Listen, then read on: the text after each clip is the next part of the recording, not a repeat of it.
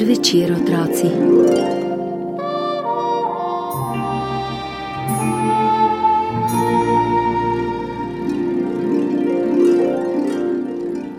Kar precej daleč zunaj mesta, na robu gozda, je stala majhna hišica.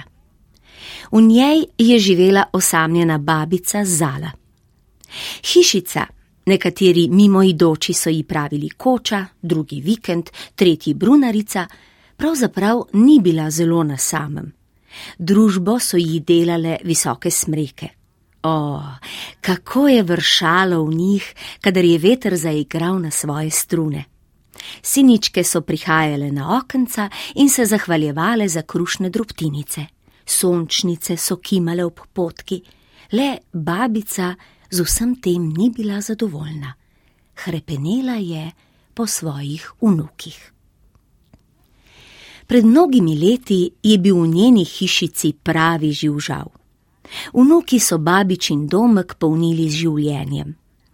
Jožica se je tako rada smejala, da je odzvanjalo vse do strehe. Babici se je zdelo, da se z njo smejejo tudi rožo v vazi in storški na smrekah. Martin pa je bil pravi jokac. Kar na lepem se je udaril, zbodel, v kaj zaletel, potem pa je hodil od enega do drugega, razkazoval svoje buške in neutolažljivo jokal.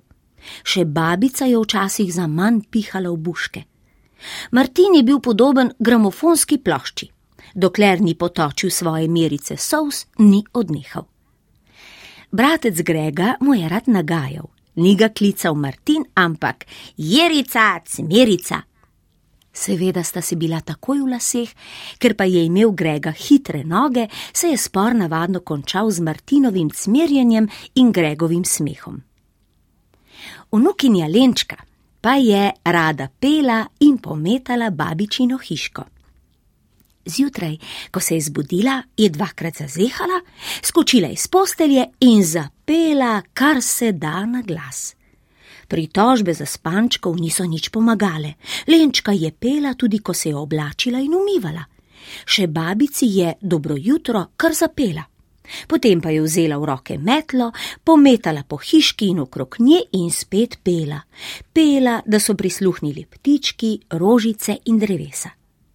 Ko so snežinke zaplesale po zraku in naravo in babičino hiško zavile v belo, je bil najbolj vesel jaka.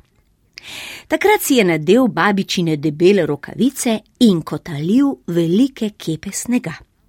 Tekmoval je z vaškimi otroki in svojimi brati in ni odnehal, dokler ni napravil največjega sneženega moža.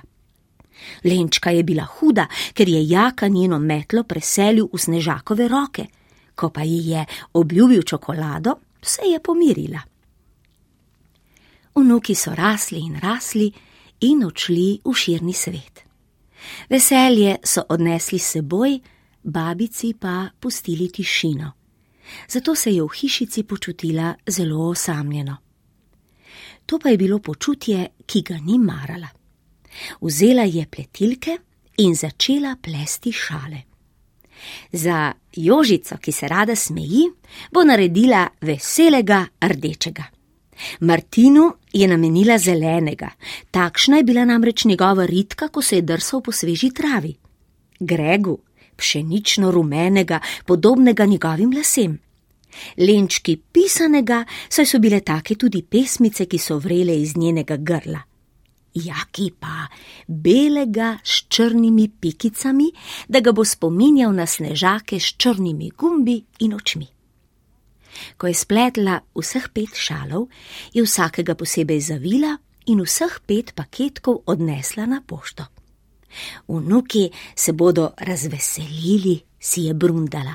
Spomnili se bodo babice, pisali mi bodo, me prišli obiskat. Pa ni bilo tako. Poštar babici ni prinesel nobene pošte in na vrata hišice ob robu gozda ni nihče potrkal. Le trave so šelestele in smrekove veje so v vetrovni jeseni pele svojo zeleno pesem. Držne kapljice so skozi vlažna okna pozdravljale babico, mesec in sonce sta se ji nasmihala z neba, babica pa je kljub temu opazila, da se je v hišico urinila osamljenost.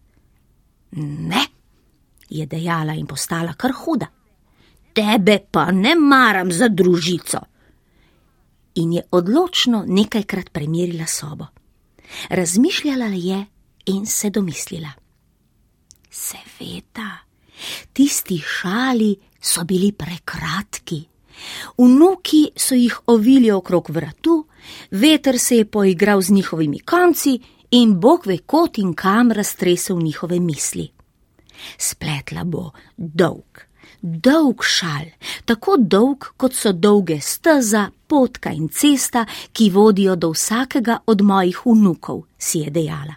Tako je vzela v roke pletilke in začela plesti. Šal, kaži pot, jih bo pripeljal do babice, je verjela. Pletla je in pletla, da ni več znala odnehati.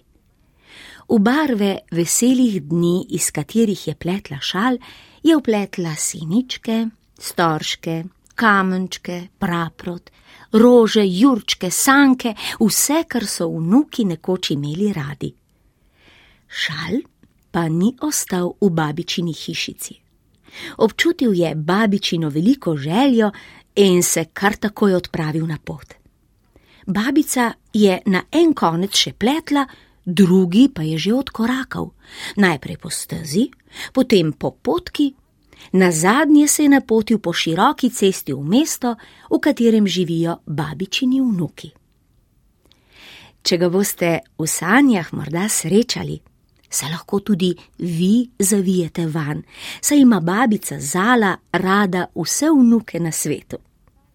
Starški, sanke in kamenčki pred babičino hiško pa komaj čakajo, kdo se bo z njimi spet poigral. thank you